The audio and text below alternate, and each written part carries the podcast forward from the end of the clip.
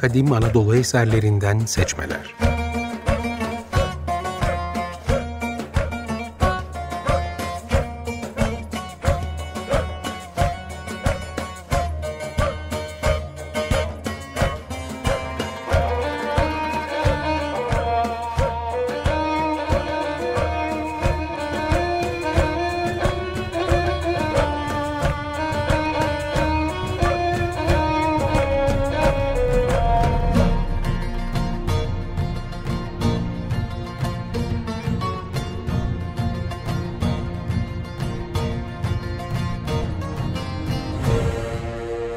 Hazırlayan ve sunan Haluk Mimaroğlu. Ben Haluk Mimaroğlu. Bu hafta sizlere Değirmendere İzmirli Xenofanes ve Sinoplu Diyojenes'i tanıtacağım. Xenofanes, M.Ö. 500'lerde Kolofon olarak bilinen Değirmendere'de yaşarken, ülkesindeki gelişmeler nedeniyle Sinoplu Diyojenes ise Milattan önce 400'lerde Sinop'ta yaşarken karıştığı kalpazanlık olayı nedeniyle sürgün olarak ülkesini terk etti. Xenofanes İtalya'nın güneyine gidip tek tanrıyı öneren birci Elea felsefesinin, Diyojenes ise Atina ve civarına gidip çilekeşliği benimseyip kinik felsefenin öncüsü oldu. Her iki filozofun Anadolu'yu hakimiyetine alan Persler döneminde yetiştiği ve etkilendiği göz ardı edilemez. Milattan önce 600'lerde Asurları yenip İran'dan Anadolu'ya gelen Medler, milattan önce 585'te Kızılırmak'a dayanmış, Lidya kralı Kroesos ile barış anlaşması yapmıştı. Bu barış anlaşmasını pekiştirmek için Krozos'un kız kardeşi kısa süre sonra kral olacak Med kralının oğlu Astyages ile evlendi. Bu evlilik binlerce yıl sürecek Anadolu ile İran'ın kültürel etkileşiminin ilk adımı olarak görülebilir. Yabancı gelinlerin mahiyetleri ile birlikte geldikleri bu tür evlilikler ülkeler arası kültür alışverişinde sağlardı. Nitekim tarihte bu tip evliliklere sık sık rastlanırdı. Osmanlı'nın kuruluş yıllarında Sultan Orhan Gazi'nin Bizans İmparatorunun kızı Prenses Theodora Hatun ile evliliği buna iyi bir örnektir. Bir başka Bizans prensesinin mahiyeti ile birlikte Venedik'e giderken çeyizinde götürdüğü çatal bıçak takımlarının Avrupa yemek kültürünü değiştirmesi de kültürel etkileşimin küçük bir örneğidir. Med kralı Astyages'in torunu Kyros'un dedesi yerine Med tahtına geçip Büyük Pers İmparatorluğunu kurması ve milattan önce 547'de anne tarafından akrabası Lidya kralı Kroezos'u yenerek Anadolu'ya tamamen hakim olması Anadolu ve dünya tarihi için bir dönüm noktası olmuştur. Her ne hikmetse ilk felsefeciler, ilk şairler, ilk yazarlar, ilk tarihçiler hep bu dönemlerde ortaya çıkmıştır. Kleitos'un ateşi, Thales'in suyu, Anaximenes'in havayı, Xenophanes'in toprağı başlangıç ilkesi olarak kabul etmesi de bu dönemde ortaya çıkmıştır. Zaratustra ile benzerlikleri de vardır. Ancak kimse bunlardan söz etmemektedir. Xenophanes Anadolu'daki Pers etkisinin kuvvetle hissedilmeye başladığı yıllarda Miletos okulundan Anaximandros'un öğrencisiyken 25 yaşlarında Sicilya'ya gitmiş, ilerleyen yaşlarında İtalya'nın güneyinde Ela ya yerleşmişti. Xenophanes'in kişiliği ve doktrinlerine ait bilgiler, diğer yazarların aktardığı alıntılar ve yorumlar sayesinde günümüze ulaşmıştır. Bu bilgilerin yer aldığı fragmanlar Pinhan Yayıncılık tarafından 2019 yılında yayınlandı. Gurur Sevin eski Yunanca'dan çevirisini yaptığı alıntılara göre Xenophanes 100 yıldan uzun yaşadı. Onun zamanında Med baskısından kaçan Foçalılar Marsilya'yı kurdu. İlk olarak toprağı öne sürdü. Doğa filozofu olarak tanındı. Toprağın denize karıştığını, zamanla kuruduğunu, dağlardaki kabukları, taş ocaklarındaki balık izlerini kanıt olarak verdi.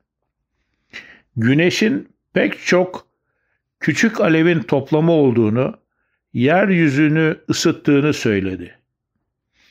Nemin ısınan denizden yukarı çıkıp bulut olduğunu, ardından yoğunlaşarak yağmur olduğunu söyledi. Hiçbir şeyin sağlam bir bilgisinin edinilemeyeceği görüşündeydi. Sicilya'da kent kent dolaşıp bir rapsod gibi destansı şiirler okudu. 2000 dizelik Kolofon'un kuruluşu ve İtalya'da Elea yerleşmesi için manzum eserler yazdı. Tek Tanrı kavramını ortaya attı. Tanrı'nın her şeye kadir olduğundan, doğmamış ya da oluşmamış olmasından, ne sınırlı ne de sonsuz olmasından söz etti. Bu Tanrı'nın insan biçiminde olamayacağını söyledi. Homeros ve Hesiodos'un Tanrı anlayışını alaya alan, kökü Demeter'e, Dionysos'a kadar uzanan, yaşamın kaba ve bayağı yanını ortaya koyan, şarkı olmaktan çıkmış ve konuşmaya en yakın Iambos tarzı felsefi şiirler yazdı. 70 yıl süren bir geziden sonra Napoli'nin güneyindeki Elea'ya yerleşti. Elea okulunu kurdu. Burada çok tanrıcılığa karşı tek tanrıyı ortaya koydu. Homeros ve Hesiodos'a karşı çıkarak Tanrı'nın birliğini ve değişmezliğini savundu. İşte bu birlik ve değişmezlik düşünceleri üstüne kurulan Elea öğretisi, Xenophanes'in öğrencisi Parmenides ile güçlenerek etkili bir felsefe okulu olarak meydana çıktı. Platon'un idealizminden Hegel'in diyalektiğine kadar pek çok felsefenin öncüsü oldu.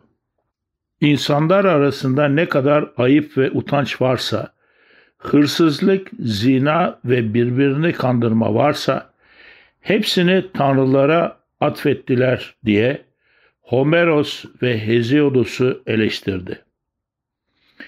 Ancak faniler sanıyor ki tanrılar doğmuş. Kendilerininki gibi giyim, ses ve şekilleri varmış. Habeşler kendi tanrılarının kalkık burunlu ve siyah tenli, Trakyalılar ise mavi gözlü ve kızıl saçlı olduğunu söylüyorlar. Ama elleri olsaydı boğaların, atların ve aslanların, atlar atlara, boğalar da boğalara benzer tanrı şekilleri çizer ve bedenler yaparlardı, her biri kendi vücuduna benzer şekilde. Diyerek insana benzer tanrı kavramını reddetti. Xenophanes, Tanrı'nın bir ve cisimsiz olduğunu, zamanın sözlü anlatımına uygun olarak, manzum olarak ifade etti. Tek Tanrı, insanların arasında en büyüğü, ne vücudu ölümlülere benzer ne düşüncesi. Hep görür, hep akleder, hep işitir. Hiç zahmetsiz sarsar aklının iradesiyle her şeyi. Daima aynı yerde kalır, hiç hareket etmeden. Oradan oraya dolanmak uymaz ona. Hep göğüstür, hep kulaktır ama soluklanmaz. Bütünüyle akıldır, zekadır, ezelidir. Her şey Tanrı'yla doludur. Kulakları her yerdedir. Taşlar ve bütün yeryüzü ve kendisi adamın her neyse göğsünde sakladığı düşünce. Aslında Xenophanes'in bu dizelerde anlattığı tanrı kavramı pek de yeni sayılmaz. Neredeyse bundan bin sene önce adını çok duyduğumuz Nefertiti'nin eşi, Tutankamon'un babası, Firavun Akenaton Mısır'daki tüm tanrıları reddedip güneş tanrısı Aton'u tek tanrı olarak kabul ettirmişti. Ancak ilerleyen yıllarda bu girişimi pek başarılı olmasa da bazılarına göre tek tanrılı dinlerin öncülüğünü yapmıştı. Belki Xenophanes de Ege sahillerinin Mısır'la yakın ilişkilerinden esinlenerek böyle bir inanca ulaştı.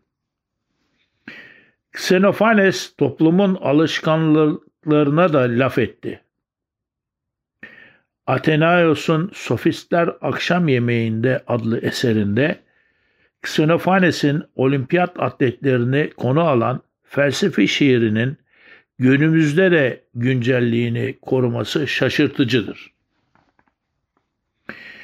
Eğer biri ayak çabukluğuyla bir zafer kazanırsa ya da pentatlonda Zeus'un mıntıkasında, olimpiyadaki Pisa akıntısının yanı başında ya da güreşle veya ağrılı yumruk dövüşüyle ya da serbest dövüş denilen korkutucu şeyle hemşerilerine daha şanslı görünecek ve yarışmalarda kendine ön sırada yer bulacak ve yiyeceği halkın cebinden karşılanacak, kentten de ailesine yadigar bırakacak hediyeler alacak.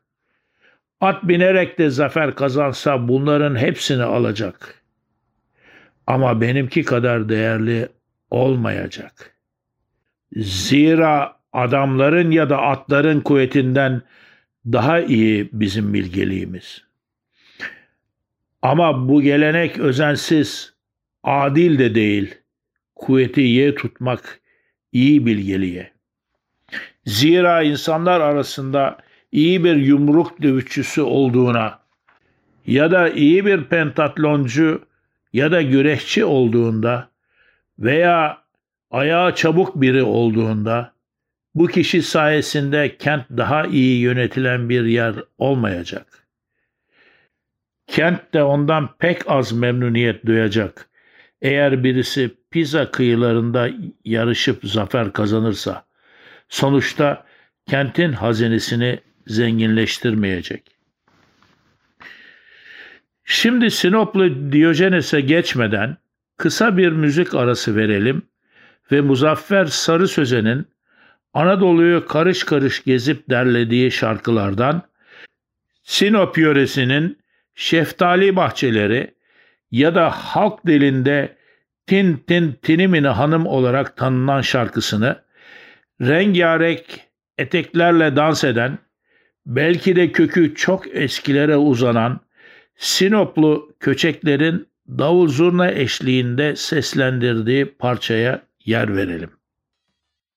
Açık Radyo Kadim Anadolu eserlerinden seçmeler programına Sinoplu Diyojenes ile devam ediyoruz.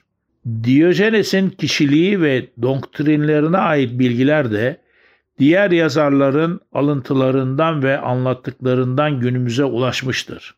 Çilekeş Diyojenes'in hayatına ve felsefesine ait Yunanca ve Latince fragmanlar Antistenes ve Diyojenes'in kinik felsefe fragmanları olarak 2020 yılında İş Bankası Kültür Yayınları tarafından yayınlandı.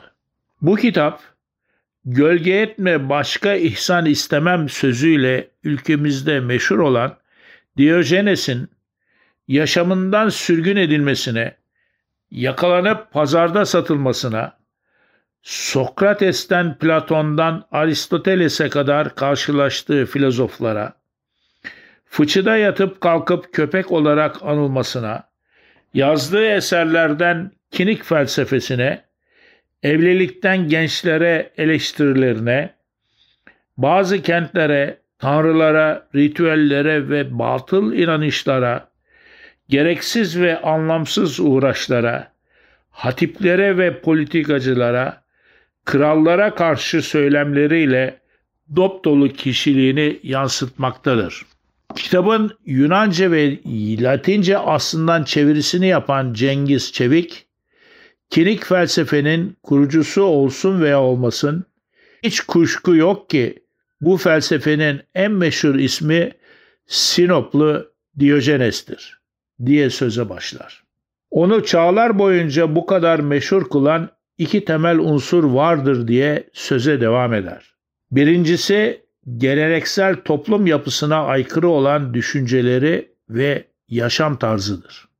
İkincisi ise karşılaştığı önemli veya önemsiz insanlarla kurduğu yerine göre ahlakçı, yerine göre alaycı ve esprili diyaloglardır.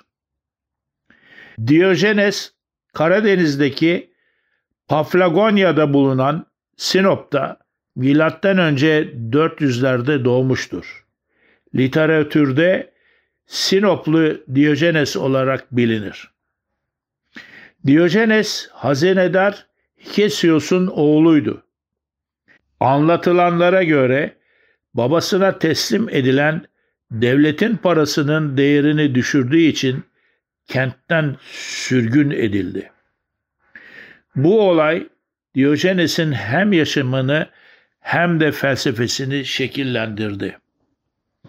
Ülkesini terk edip sığındığı Atina'da çilekeş Atistenes'in çevresine girerek parasız pulsuz geldiği ülkede bir hırka bir heybe ile üne kavuşmanın yolunu buldu. Bir alıntıya göre Diyojenes yurdu Sinop'tan sürgün edilince Atina'ya geldi. Tam bir dilenci gibi görünüyordu. Ve orada Sokrates'in yoldaşları olan Platon, Aristippos, Aiskines, Antistenes ve Megaralı Ökleides ile karşılaştı. İyi bir vatandaşın nasıl olacağı üzerinde duran Platon ve Aristoteles'in aksine iyi bir vatandaş, iyi bir asker, vergi mükellefi, oy vereni, üreticisi, çiftçisi, taciri, zanaatkarı ve hatta filozofu olmak yerine evsiz barksız, ona buna lafını esirgemeyen Nasrettin Hoca gibi bir bilge olmuştu. Yaşam tarzından ötürü Atinalıların nefretini kazandı. Antisteres'in ölümünden sonra Korintos'a taşındı. Kreyon da sokaktaki bir fıçıda yatıp kalkıyor, sadece yaşamasını sağlayan şeyleri yiyip içiyor. Bazen Korintos'ta, bazen de Atina'da bulunuyordu.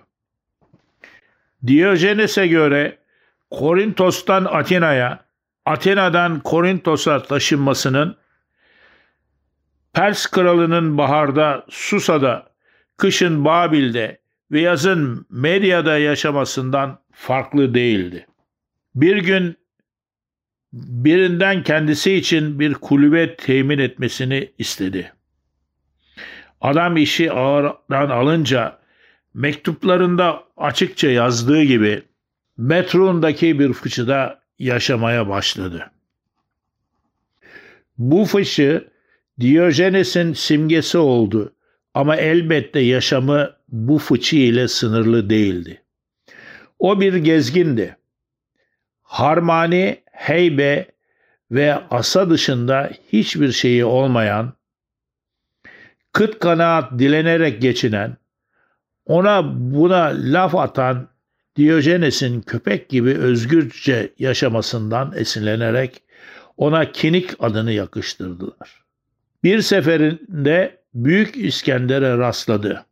Plutarkos'un İskender'in Hayatı adlı eserinde anlattığına göre Yunanlıların meclisi İstmos'ta toplandı.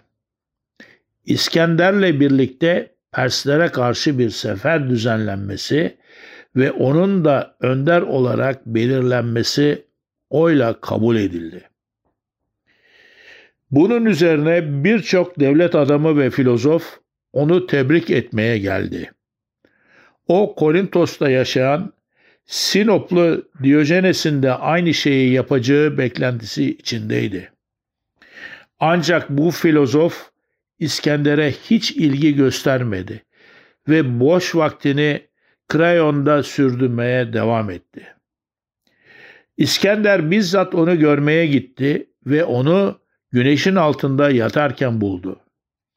Diyojenes birçok kişinin kendisine doğru geldiğini görünce hafifçe doğruldu ve gözlerini İskender'e dikti. Kral onu selamlayıp da kendisinden bir şey isteyip istemediğini sorunca Diyojenes evet güneşimden biraz çekil dedi.